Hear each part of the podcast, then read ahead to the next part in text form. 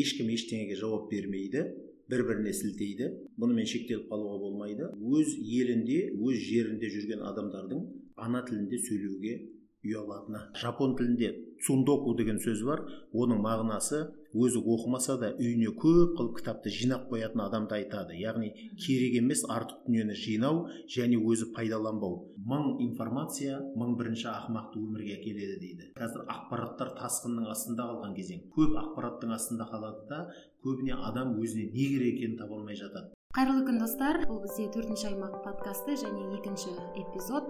Бізде қонақта айшуақ дәрменұлы тарихшы отбасы хрестоматиясы қоғамдық қорының бас менеджері. Айшуақ ағай сәлеметсіз бе? Қош келдіңіз.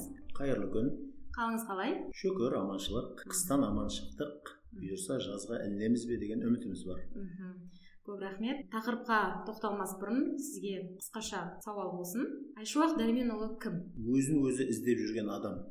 Біздің қоғамда не нәрсеге қарныңыз ашады? Жауапсыздыққа. Ешкім ештеңеге жауап бермейді бір біріне сілтейді сосын бұнымен шектеліп қалуға болмайды. Сосын өз елінде өз жерінде жүрген адамдардың ана тілінде сөйлеуге ұялатыны сол өте үлкен қасірет. 16 жастағы жасөспірімге айтарыңыз. 16 жастағы жасөспірімге не айтуға болады?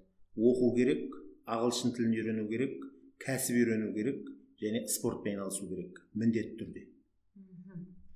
Жақсы рахмет. Мен сізді ағай ретінде білемін. Құдайберген жұбанов атындағы университетте тарих пәнінен сабақ бердіңіз. Жалғыз мен емес көптеген студенттердің есіндесіз. Өте сондай қызықты асығып баратын едік сіздің сабағыңызға. Қазір айшуақ ағай қайда кетті? Айшуақ ағай ешқайда кеткен жоқ. Ол кісі осы ақтөбеде тұрып жатыр. Өз шаруаларын жасап жатыр. 24 сағат онлайндамын деп айтуға болады. Бірақ мен үш жылдай уақыт болды. Екі жарым жыл құдайберген жұбанов университетіндегі қызметімді өз еркіммен жұмыстан шығып кішкене басқа бір шығармашылық еркіндік керек болды. Сөйтіп өзіндік жүзуге кеттім. Мхм. Менің де айтпағым сол еді. Отбасы хрестоматиясы қоғамдық қоры. Осы жерде қызметіңізді айта кетсеңіз жалпы не түрткі болды осы қызметке келуге? Бұл қызмет дегеннен көрі кішкене өзіңе де айналадағы қарым қатынас жасап жүрген адамдарға да пайдасы тиетін бір қосымша хобби деп айтуға болатын шығар. Себебі оның бұл республикалық қор оның бас менеджері деген аты дардай болғанымен менің қол астымда ешқандай бағынышты адам жоқ. Біздің мақсат осы қоғамдық қор кішкентай баладан еңкейген кәріге дейін оқи беретін өзінің аты айтып тұрған отбасы хрестоматиясы деген кітаптар шоғырын шығарады. Және ол кітаптар бізде қоғамдық қорда отыздан астам ғалымдар шоғырланған.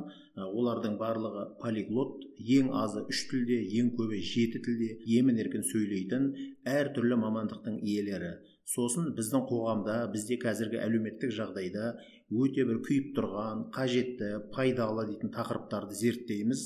Зерттегенде оны мана қоғамдық қордағы жігіттер әрқайсысы өзінің мамандығы тұрғысынан қарайды. Себебі олардың ішінде филологтар бар журналистер бар лингвистер дінтанушылар теологтар психологтар дипломаттар әртүрлі саланың азаматтары бар.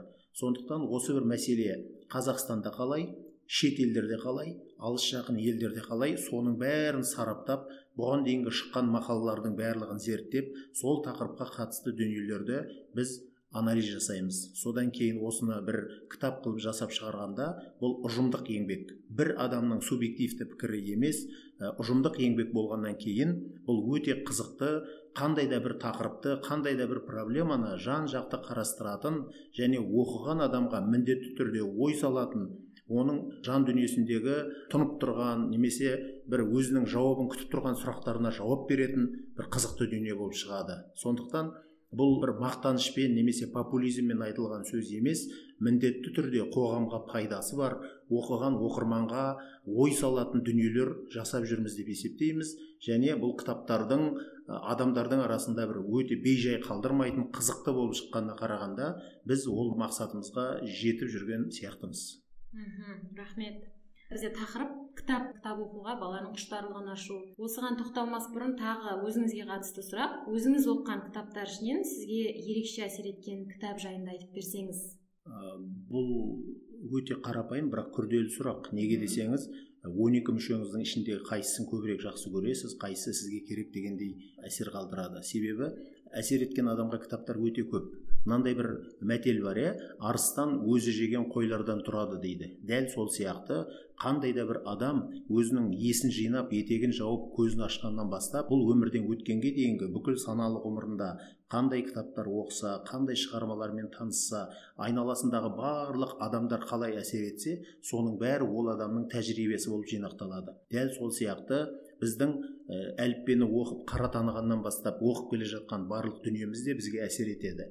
Бірақ дегенмен нақты сұраққа нақты жауап берейік. Қатты әсер еткен өте тамаша кітап ретінде мектепте жүргенде мен ең алғашқы роман бесінші класста оқыдым. Қыран қазасы қияда деген кітап болды амангелді иманов туралы. Жалпы өте қызық. Біздің дәл мектептің жанында кітапхана болды. Мектептен шықсаң ә, бір 20 метр жерде тиіп тұр. Сол кітапханаға бір күні қызық көріп кіріп сол кітапханадан мектеп бітіргенше шыққан жоқпыз. Сол кітапханада бар дүниенің бәрін оқып тауыстық деуге болады. Және ол тек қана мен емес ә, менімен замандас болған оқушылардың түгелге жуық басында болған жағдай.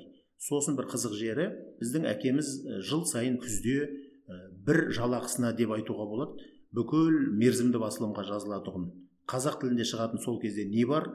Қазақстан әйелдері мәдениет және тұрмыс білім және еңбек ара ә, сосын міндетті түрде біздің класс түгелімен балдырған пионер дейтін журналдарға жазылатұғын солардың барлығы міндетті түрде үйге құшақ құшақ болып келетін. Жұлдыз жалын журналдар бар ішінде. Біз солардың бәрін оқыдық. Ал енді маған бір тамаша бір әсер еткен дүниелер ретінде әрине оқушы кезімізде ә, бүкіл қазаққа әсер еткен дүние деп айтуға болады. Көшпенділер трилогиясы болды. Ә, сосын мен өзім жақсы көріп оқыған кітабым шерхан мұртазаның қызыл жұлдыздан басталатын бес томдық кітабы болды сосын болат жандарбековтың сақтар деп аталатын тамаша кітабы болды. Сол сақтар дейтін кітапты өтірік айтпайын бір 15 рет оқыған шығармын. Жалпы ежелгі дүниеде сақтардың тыныс тіршілігі олардың іс әрекеті көз алдыңда кинолента сияқты болып керемет әсер ететін кітап. Мысалы бірінші курста сақтар ежелгі дүние туралы оқимыз ғой. Сол кезде мен көп сұрақтың жауабын сол кітап арқылы айтатұғынмын әрине бұл әдеби кітапты тарихқа факт ретінде ала алмайсыз. Бірақ тарихтағы ірі келелі оқиғалар әдебиетте сәулесін қалдырады. Сондықтан бұл факт ретінде әдебиетте рухы әруағы қалған дүние ретінде өте қызықты шығарма болды. Жалпы маған әсер еткен кітаптар өте көп. Осымен тұйықтай тұрайын. Рахмет. Қазір жасөспірім болсын жастар болсын бос уақытында немен айналысатын деген сұрақ қойсаң бір жетпіс сексен пайызы көпшілігі кітап оқимын деп жауап береді. Қалай ойлайсыз осы сөз шындыққа жанаса ма сіздің пікіріңіз? Оны сыртынан тон пішу өте қиын. Мысал ретінде айтайық біз міндетті түрде фактімен сөйлеп үйренгенбіз. Қазақстанның бір өңірінде сұлулық сайысына қатысқан бір қыз бала кітап оқимын деді бірақ қандай кітап оқитынын айта алмады. Енді дәл сол сияқты ол кітап мәселесінде көп адам әрине мода қуалап бос уақытымда кітап оқимын деп жазып қоюы мүмкін. Бірақ ол қандай кітап оқып жатыр не кітап оқып жатыр ол кейде мода қуалайды. Қазір ең керемет кітап мына бәленше түгенше мынандай кітап оқып жатыр екен деп сондай кітапты оқып шыққан түр білдіретін үйіне жинап қоятын кісілер бар. А жапон тілінде цундоку деген сөз бар. Оның мағынасы өзі оқымаса да үйіне көп қылып кітапты жинап қоятын адамды айтады. Яғни керек емес артық дүниені жинау және өзі пайдаланбау. Қазақша мағынасы шөптің үстінде жатқан ит дегенге келеді мысалы. Өзі де жемейді өзгеге де жегізбейді. Ал енді мен сізге тағы бір мысал айтайын. Америкада мынандай қызық факті бар екен. Ә, жасы 10-12-нің арасындағы балаларды зерттейді. Мысалы 100 мың баланы зерттейді. Сол 100 мың баланың ішінде нешеуі кітап оқиды? Соның бәрін әбден сұрастырып анықтап біледі.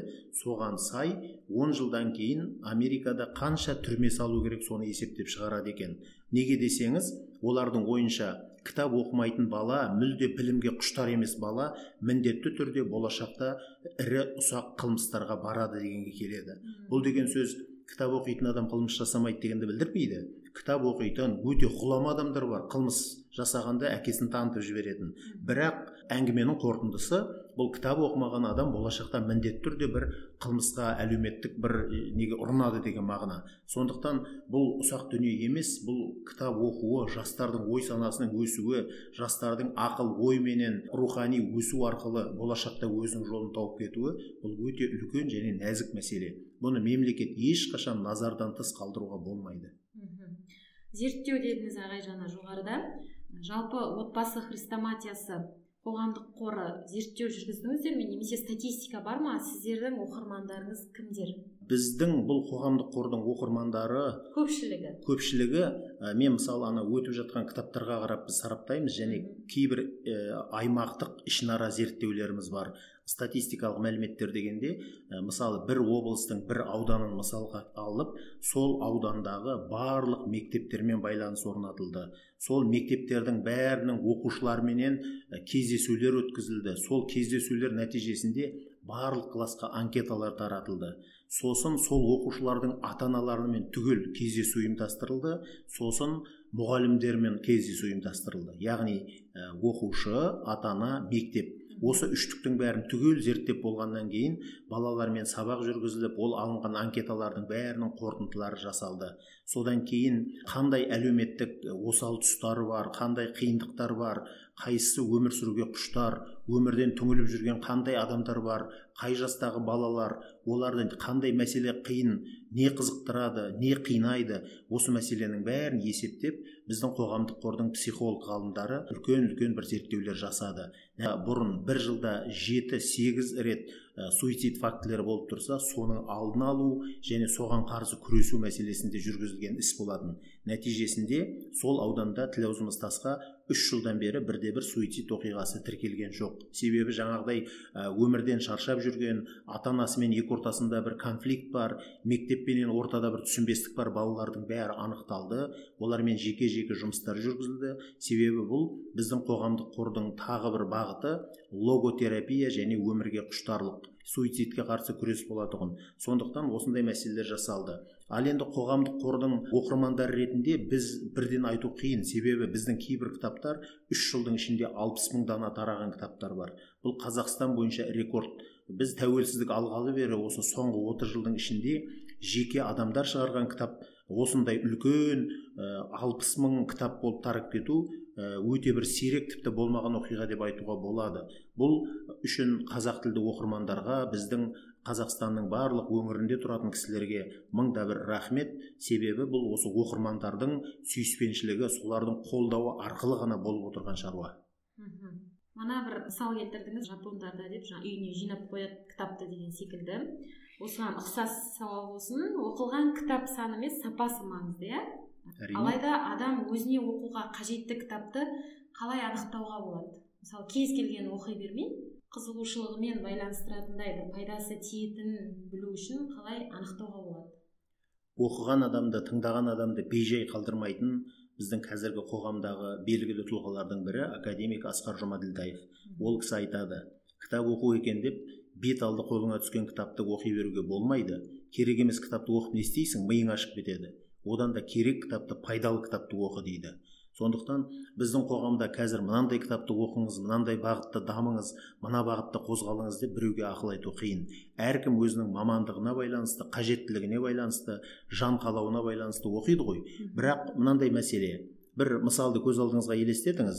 Адамдарға сұрақ қойыпты. Ә, сіз елсіз аралға баратын болсаңыз сол елсіз аралда өзіңізбен бірге қандай кітапты алып кетесіз деп. Әркім өзінің сүйікті кітаптарын айтып жатырған ғой. Бірақ соның ішінде сол бәйгеде былай деп жауап берген адам жеңіп шығыпты. Қайықты және салды қалай жасау керек қалай ұйымдастыру керек деген кітап маған керек деп мысалы. Сондықтан сіздің қандай сүйікті кітабыңыз болса да елсіз аралға барғанда сіздің тірі қалуыңызға сіздің әрі қарай тіршілік етуіңізге пайдасы тиетін кітап болмаса бәрі бекер болып шығады. Сондықтан бұл қандай кітапты оқу қандай жағдайға қандай сұраныс болуына байланысты. Ендеше қоғамдағы адамдардың сұранысының бәрін анықтау ол сол адамдардың ізіне еріп кете беру дегенді білдірмейді. Ол адамдарға қандай да бір рухани құндылық ұлттық құндылық ол адамдарға өмір бойы керек. Қандай ұрпақ алмасса да қандай заман қандай қоғам алмасса да міндетті түрде адамдарға керек дүниелер болады. Біз шама келгенше осы нәрселерді насихаттауға соған қатысы бар дүниелерді жазуға тырысамыз. Енді негізгі сұрақ баланың кітап оқуға құштарлығын қалай ашуға болады? Қандай әдіс тәсілдерді қолдануға болады? Тағы бір қоса кетейін мүмкін сіз білім басқармасының басшысы болсаңыз қандай өзгерістер енгізер едіңіз мектеп бағдарламасына? Бұл жерде аса бір көп өзгеріс бір төңкеріс жасау қиын дүниелер бар. Себебі қазіргі мектеп бағдарламасы онсыз да бір өте көп ә, жаңағы балдарға көп салмақ салатын дүниелер бар. Ал бірақ оны айтпас бұрын балаларды оқуға құштарлық ету біз көбіне міне байқап отырсыз ба? Сұрақты әп дегеннен мектептен бастадық. Яғни жауапкершілікті біз мектепке мұғалімдерге артып қоюға құмар қоғамда өмір сүріп жатырмыз. Бұған бірінші кезекте әрбір отбасы ата анасы тікелей жауапты. Сондықтан бала көзін ашып есін жиғаннан бастап бүкіл өмір бойы өзінің отбасымен жақындарымен өтеді ғой. Яғни әңгіменің қысқасы бірінші балаға үлгі көрсету керек. Үлгі дегенде тәрбие деген қызық нәрсе бар. Бұл тәрбие міндетті түрде керек дүние. Бұл үйінде кітабы бар үйде берекі болады. Үйінде кітабы бар үй ол кітапты жаңағы айтқандай тек қана бір үйдің бір атрибутикасы деп жинап қоюға болмайды. Бала есін жиғаннан бастап ата анасының үлкендердің қолына кітап газет журнал алып оқып отырғанын көру керек. Және ол баланың қызығушылығын ә, сол арқылы тәрбиелеуге болады. Баланың жасына сай ақыл ойына сай кітаптардың барлығын ә, психологтар әбден зерттеген. Баланың зейінін аудару үшін не істеу керек? Қай жастағы балаға қандай әдебиеттер ұсыну керек? Оның бәрі әбден зерттелген нәрсе. Ал енді баланың үлгі көрсету дегенде мысалы бала қолына алып ана кітапты оқып отырған үлкендердің әңгімесін тыңдап ол кітаптың пайдасы туралы ә, баланың түп санасына сіңіре беру арқылы баланы әбден солай тәрбиелеп тастауға болады. Яғни ол баланың жаңағы іргетасы дейміз ғой түп санасында болу керек. Мысалы бір жасқа толған нәрестенің тілдік қорында жеті он сөз болады. Екі жасқа толған балада жүзден екі жүзге дейін сөз болады. Үш жасқа толған бала бір жарым екі мың сөз айта алу керек. Төрт жасында үш мыңға дейін сөз айтады бес жасқа толғанда бала қысқаша әңгімелерді сипаттап баяндап айта білу керек. Егер осыған баланың ақыл ой дәрежесі жетпей жатса онда қандай да бір тәрбиеде кемшілік бар дегенді білдіреді. Ал енді баланың кішкентай күнінен бастап сіз есіңізде болса мектепте қазақ тілінде орфоэпия орфография дегендерді өттіңіз. Міндетті түрде бұл теле радио дикторларына міндетті түрде қажет көпшілікпен жұмыс жасайтын халықтың алдына шығатын адамның барлығына қысқаша айтқанда бүкіл адамға керекті тәрбие осы. Ал енді орфоэпия орфография өте дұрыс сөйлеу дұрыс жазу сауатты жазу және сауатты сөйлеу бұл жұрттың бәріне керекті қасиет. Осыны көркем әдебиет арқылы жазу арқылы тәлім тәрбие арқылы ғана жүзеге асырасыз. Сондықтан қазақ тілінде қанша әріп болса қанша дыбыс қанша үндестік болса соның бәрінде сөйлей білу айта білу оны адамдардың жан дүниесіне жеткізіп ә, сіңіре білу ол осы кітап оқуға тікелей байланысты. Яғни сіз жақсы сөйлей алсаңыз өз ойыңызды тап тұйнақтай қылып соқырға таяқ ұстатқандай қылып жеткізе алатын болсаңыз тілмен сурет салып ойменен өрнек тоқи алатын болсаңыз онда сіз тыңдарманға міндетті түрде әсер етесіз. Ал енді ол әсер етудің әртүрлі қыры бар. Әңгіме бұл туралы емес. Бірақ дегенменен кітап оқудың пайдасы балаға үлгі көрсету туралы әңгіме болғаннан кейін айтылып жатыр. Жақсы. Қазір кітапты бала болсын үлкен болсын ғаламтордан оқу бір трендке айналды десек болады. Иә. Айналып бара жатыр енді. Кітапханаға барып баяғыдай өзім оқушы кезінде жаңа кезекке тұрып жаздырып билетке ол өте аз өзім де кейде барғанда көрем. Ә, соған көзқарасыңыз қалай? Бір жағынан қарасақ айырмашылық жоқ. Смартфоннан қарады не былай қарады не. Бірақ бәрібір де кәдімгідей қағаз бұрынғы біз оқыған кітапқа жетпейтін секілді. Сіздің айтарыңыз? Ә, бұл да бір мәңгілік сұрақтардың біреуі ғой. Кезінде ә, газет журнал құриды енді теледидар басты рөлге шығады дейтін әңгіме болды. Сол кезде ә, әбден айтатын ойы аргументі таусыла келген бір газетпен айналысатын журналистің айтқан сөзі қалжыңға айналып кетті. Әрине барлығы дұрыс қой бірақ сіз диванда жатқанда ұйқыңыз келгенде телевизормен бетіңізді жауып ұйықтай алмайсыз ал газетпен ұйықтап бетіңді жабуға болады деген қалжың айтылды. Бұл қалжың айтылғанменен онда да бір әңгімелер бар. Мысалы ә, интернет арқылы электронды тұрғыда электронды құрылғылар қазіргі ә, гаджеттер арқылы оқу ә, әрине көбейіп келе жатыр. Әрине оқи берсін. Бірақ дей тұрғанмен ә, бүкіл ұлан байтақ қазақстанның бас аяғына түгел интернет жеткен жоқ. Көп жерде тіпті электр жарығы да болмай қалуы мүмкін. Енді бұл жерде сіз газетіңізді журналыңызды кітабыңызды алып емін еркін оқитындай жағдай бөлек сосын ә, мынандай мәселеге мән беріңіз. Қазір ә, көзбен айналысатын окулист дәрігерлердің дерегі бойынша бірінші классқа баратұғын балдардың 80 процентінің көру қабілеті өте нашар. Яғни кішкентайынан смартфонға планшетке үңілу нәтижесінде көздің нұрын жеп қояды. Сондықтан бұл да өте үлкен мәселе. Бұл ә, адамзаттың алдында тіпті қалай берсе мемлекеттің ұлттың алдындағы өте үлкен проблемалардың біреуі. Себебі көру қабілеті барлық адамға керек ол өте үлкен рөл атқарады.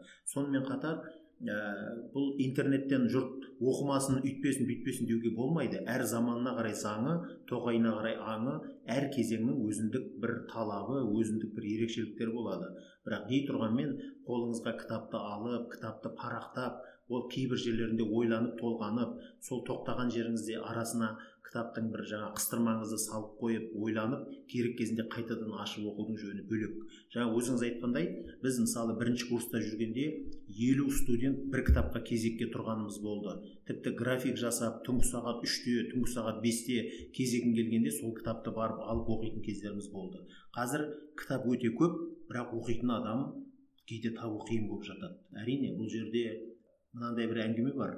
Мың информация мың бірінші ақымақты өмірге әкеледі дейді. Сондықтан қазір ақпараттар тасқынның астында қалған кезең. Көп ақпараттың астында қалады да көбіне адам өзіне не керек екенін таба алмай жатады. Ал сондықтан бұл жерде ата ананың мұғалімдердің тәлім тәрбиесі баланың санасына қандай құндылықтарды еге білді соның нағыз бір ойнап шығатын мәселесі. Сондықтан баланың тәлім тәрбиесі оның жаңа өзіндік бір ойын пікірін жаңа баланың бір қай нәрсенің құнды екендігін анықтай алатын баланың сана сезімін қалыптастыру бұл өмірлік маңызды мәселе деп отырғанымыз да осы. Қазір байқасаңыз блогер болсын әртіс болсын бір кітап жазу модаға айналып кеткен сияқты. Екінің бірі жазады. Қалай ойлайсыз? Не үшін оңай нәрсеге айналып кетті кітап жазу? Оңай деп айтқаннан гөрі қолында материалдық мүмкіндігі бар адамдар білгенін жасап жүр деуге де келетін шығар. Ә, баяғыдай көркемдік кеңес немесе цензура дейтін нәрсе қазір жоқтың қасы. Сондықтан әр молда білгенін оқиды деп жүрген нәрсе ғой. Бірақ бұл жерде жаңағы айтқандай халыққа бірдеңе деп кінәлау да қиын. Себебі бұл насихатқа байланысты. Жаңағы жарнамасы жер жарып жатқан ә, ештеңенің мәнін толық білмесе де қандай да бір саланың маманы болмаса да өзіне қатысы жоқ салаға қалам тербеп сол мәселе туралы толғау айтып сол мәселе туралы жұртқа ақыл айтып жүрген кісілер бар. Қазір ә, таңғалудың өзі қиын. Ә, себебі ә, ұрпақ тәрбиелеп көрмеген адам ұрпақ тәрбиесі туралы ақыл айтатын болды. Бесіктен бел шықпай жатып өзінің әкесімен қатар адамдарға ақыл айтатын болды. Ондайлар да бар. Бірақ дей тұрғанмен ненің не екенін жақсы түсінетін бізде көзі ашық сауатты орта бар. Жоқ емес. Сосын баяғыдай шөпті өлең шөңгеді өлең өлеңді өлең деп жүре бермейді. Адамдар қазір өзіне не керек екенін жақсы біледі. Сосын қазір көп жағдайда бір жарнаманың заманы болып кетті ғой. Алдыңғы рөлге басты рөлге материалдық игіліктер байлық шыққан кезде бұл жерде сол байлықтың ә, сойылын соғатын топта кішкене бір бет алды ә, бейберекет кетіп қалады. Ондай да нәрсе бар. Ұзақ жылдар бойы ұстаздық еттіңіз. Он жыл бұрынғы жастар мен қазіргі жастардың кітап оқуында өзгешелік байқала ма? Сіздің көзқарасыңызбен. Бір қарағанда байқалмауы мүмкін. Ұзақ жыл емес енді. Менен де көп өте ұзақ жыл қызмет жасаған кісілер бар. Менің бүкіл ұстаздық деп айту қиын қазір. Мұғалімдік педагогикалық еңбек өтілім 25 жылдың шамасы. Ол өте ұзақ мерзім емес. Бірақ қандай да бір мәселе туралы ой пікір айтуға мүмкіндік бар шығар. Бұрын жаңағы айтқандай кітап аз оқитын адам көп болатұғындай еді. Бірақ соңғы кезде мына тест дейтін пәле шыққалы бері жастар қандай да бір мәселені қандай да бір оқиғаны ойлап толғанып соны өзіндік ой жіберу соның мәніне мағынасына бойлаудан гөрі соны тек жаттап алуға бой ұрады. Қазір мүмкін өзгерген шығар. Мен осыдан 20 жылдай бұрын бір ә, сырқаттың түрі туралы естігем. Алкснес деген сырқат бар екен. Яғни жаңа ғана оқыған нәрсесін қазір ұмытып қалу. Яғни ә, оған қатты мән бермейді. Жаңағы көз алдыңда жылт жылт жылт етіп өтіп жатқан қаптаған информация соны оқисың да бірақ ар жағыңа қабылдай алмайсың. Жан дүниеңмен қабылдамағаннан кейін ол көз алдыңнан жалт жұлт еткен дүние болып өтіп кетеді. Ал енді қазіргі жастар осы оқығанда мысалы арзанқол детектив бірдеңелерді оқисың бір адамға әсер етеді бір миыңда бір жарылыстар болып жатқандай болады. Детективтің ішіне бір жан тәніңмен кіріп кетесің. Ал оқып бітіргеннен кейін осы кітап не туралы? Ол да не туралы әңгіме бар? Бұның сюжеті қандай? Басты қаһарманы не істеді? Не қылды сол бірден есіңізден шығып кетеді. Неге десеңіз қазіргі замандағы мықты ғалымдардың бірі нейропсихолог татьяна черниговская айтады. Сіз өміріңіз біреу тағдырыңыз біреу сізде компьютер ойынындағы сияқты он шақты жиырма шақты өмір жоқ. Сондықтан сіз өзіңіздің миыңызды сақтаңыз миыңызды қоқыстан сақтаңыз дейді. Яғни арзанқол детектив қан төгіс киноларды жаман адамдармен әңгіме айту негатив жаңалықтарды көру кілең криминалды хрониканы көру ол сізге зиян дейді. Оның бәрі сіздің миыңызда санаңызда түп санаңызда жазылып қалады және қандай да бір керек емес кезінде соның бәрі қоқыс болып шығады дейді. Сондықтан бұл жерде балалардың санасын кішкене сақтаудың олардың бір өзіндік иммунитеті қалыптасып кеткенше оларды әртүрлі жаман нәрселерден аулақ ұстауды қалайтын баяғы қазақтың мал құлағы саңырау деп жаман нәрсені балаларға айтпау мәселесі. Біздің мына отбасы хрестоматиясының ә, дастархан басындағы әңгіме дегенді көп насихаттап жүргені де сол бос сөзді ыржаң ыржаң күлкіні арзан әңгімені айта беруге болмайды. Ол жүректі қарайтады жүрегіңді қатайтады. Жүрегі қатайып кеткен адам ә, кішкене мейір махаббатқа тағы басқа нәрселерге махрұм болып қалады дейді. Ол өте жаман нәрсе. Бір үйде тұратұғын бір ата анадан тараған ұрпақтардың да кейде бір біріне жаны ашымай жататыны содан дейді. Сондықтан бұл отбасындағы дастархан басындағы әңгіме балаларға ой салатын санасына бір жақсы бір позитивті дүниелерді баланы жақсылыққа үндейтін дүниеларға шақыру керек дейтін әңгіме осыдан туады. Сондықтан дастархан басындағы әңгімеге ата ана жауапты ол өте сақ болу керек. Балаларға тек жақсы нәрсе айту жақсы бағытта тәрбиелеу өсе келе бірте бірте өзі түсінетіндей нәрселерге бағыттау керек сияқты. Мхм. Тарихшы ретінде жастарға ұсынатын үш кітап сізден және жалпы жастарға айтарыңыз. Дәл мына кітап деп бір кітапқа қадалып қалмаймын. Ә, мен қазір отбасы хрестоматиясы және мазмұндама дейтін қоғамдық жобаның өкілімін ә, осы екі жобада мынандай шарт қояды. Сіз адамдарға бірдеңе ұсынбас бұрын ол кітапты өзіңіз оқып шығуыңыз керек. Ол кітап туралы өзіндік ой пікіріңіз қалыптасу керек. Сонда ана кісі сұрағанда кітап туралы сіз ақыл кеңес бере аласыз дейді. Сондықтан мен жастарға рухани қазақылық отбасындағы қарым қатынас үлкенді сыйлау ата ананы сыйлау ұстазды сыйлау қыз баланы құрметтеу ананы құрметтеу туралы мәселені өмірлік құндылықтарды бойыңызға сіңіргіңіз келсе отбасы хрестоматиясы кітаптар сериясын оқып шығыңыз. Ал егер сіз ағылшын тілінде оқимын үйренемін дейтұғын болсаңыз қазіргі заманда бір жылда әлем бойынша 1 миллион 800 мың кітап шығады. Оның 85 проценті тек қана ағылшын тілінде шығады. Ал енді оның ішіндегі ең атақты кітаптары 5 миллионнан бастап 55-60 миллионға дейін тиражбен таралады. Ал енді сол кітаптардың жарты проценті де қазақ тіліне аударылмайды. Осы олқылықтың орнын толтыру үшін мазмұндама қоғамдық қоры ең атақты пайдалы деп тапқан кітаптарды қазақ тіліне аударады насихаттайды таратады. Бұл мазмұндама қоғамдық қоры. Мазмұндама қоғамдық қоры 100 кітаптың тізімін жасап қойды әзірше 15 кітабын шығарды. Сондықтан сіз ғылым техника психология өсу кемелдену жолына ұмтыламын десеңіз осы мазмұндама кітаптарына да мән бере жүріңіз. Бұл кітаппен дос болған міндетті түрде пайдалы. Кітапты тек қыздырманың қызыл тілі емес сіздің өміріңізге болашағыңызға қатысты дүниелер кітаптың ішінде болады. Бізге дейін адамзаттың жиған терген тәжірибесі ақыл парасатының бәрі кітапта. Сондықтан оны міндетті түрде оқу керек. Кітаппен дос болсаң болашағың зор болады. Рахмет. Тағы бір сұрақ туындайды. Отбасы хрестоматиясы қоғамдық қорының кітаптарын кімнен және қайдан алуға болады? Қазақстанның барлық өңірінде бұл кітаптардың өкілдері бар алматыда бар. Сосын біздің ә, тағы бір нәрсені айтайын. Біздің мақсатымыз бұл кітапты үстіне бірдеңе қойып сатып пайда көру емес. Алматыдан қандай бағамен аламыз сондай бағаменен сатамыз. Мысалы ақтөбе қаласында ақтөбе облысында ғана емес қазақстанның барлық өңіріне ә, мен өзім жібере беремін менің ол сүйікті хоббиімнің біреуі күніне бірнеше рет поштаға барамын ә, кітап сұраған адамдарға сол үйіне поштамен кітап жібереміз. Сондықтан ақтөбе қаласында облысында ғана емес қазақстанның ә, төрт бұрышына да кітап іздеген адамдар хабарласып жатады. Ә, кітаптың бағасы өте тиімді.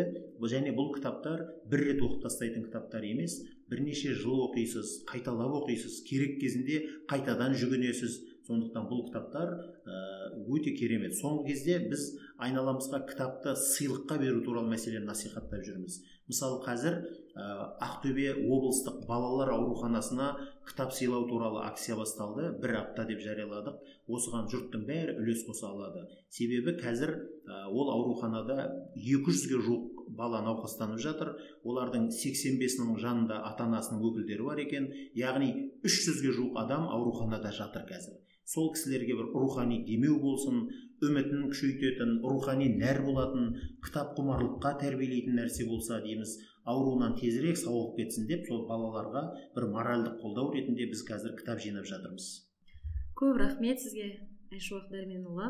Алтын уақытыңызды бөліп осындай бізге өте қызықты әрі танымды сұхбат бергеніңіз үшін алғыс білдіремін. Сізге шығармашылық табыс тілеймін. Тек қана бізге жастарға үлгі өнеге болып жүре беріңіз. Көп көп рахмет сізге де еңбегіңіз берекелі болсын. Амандықпен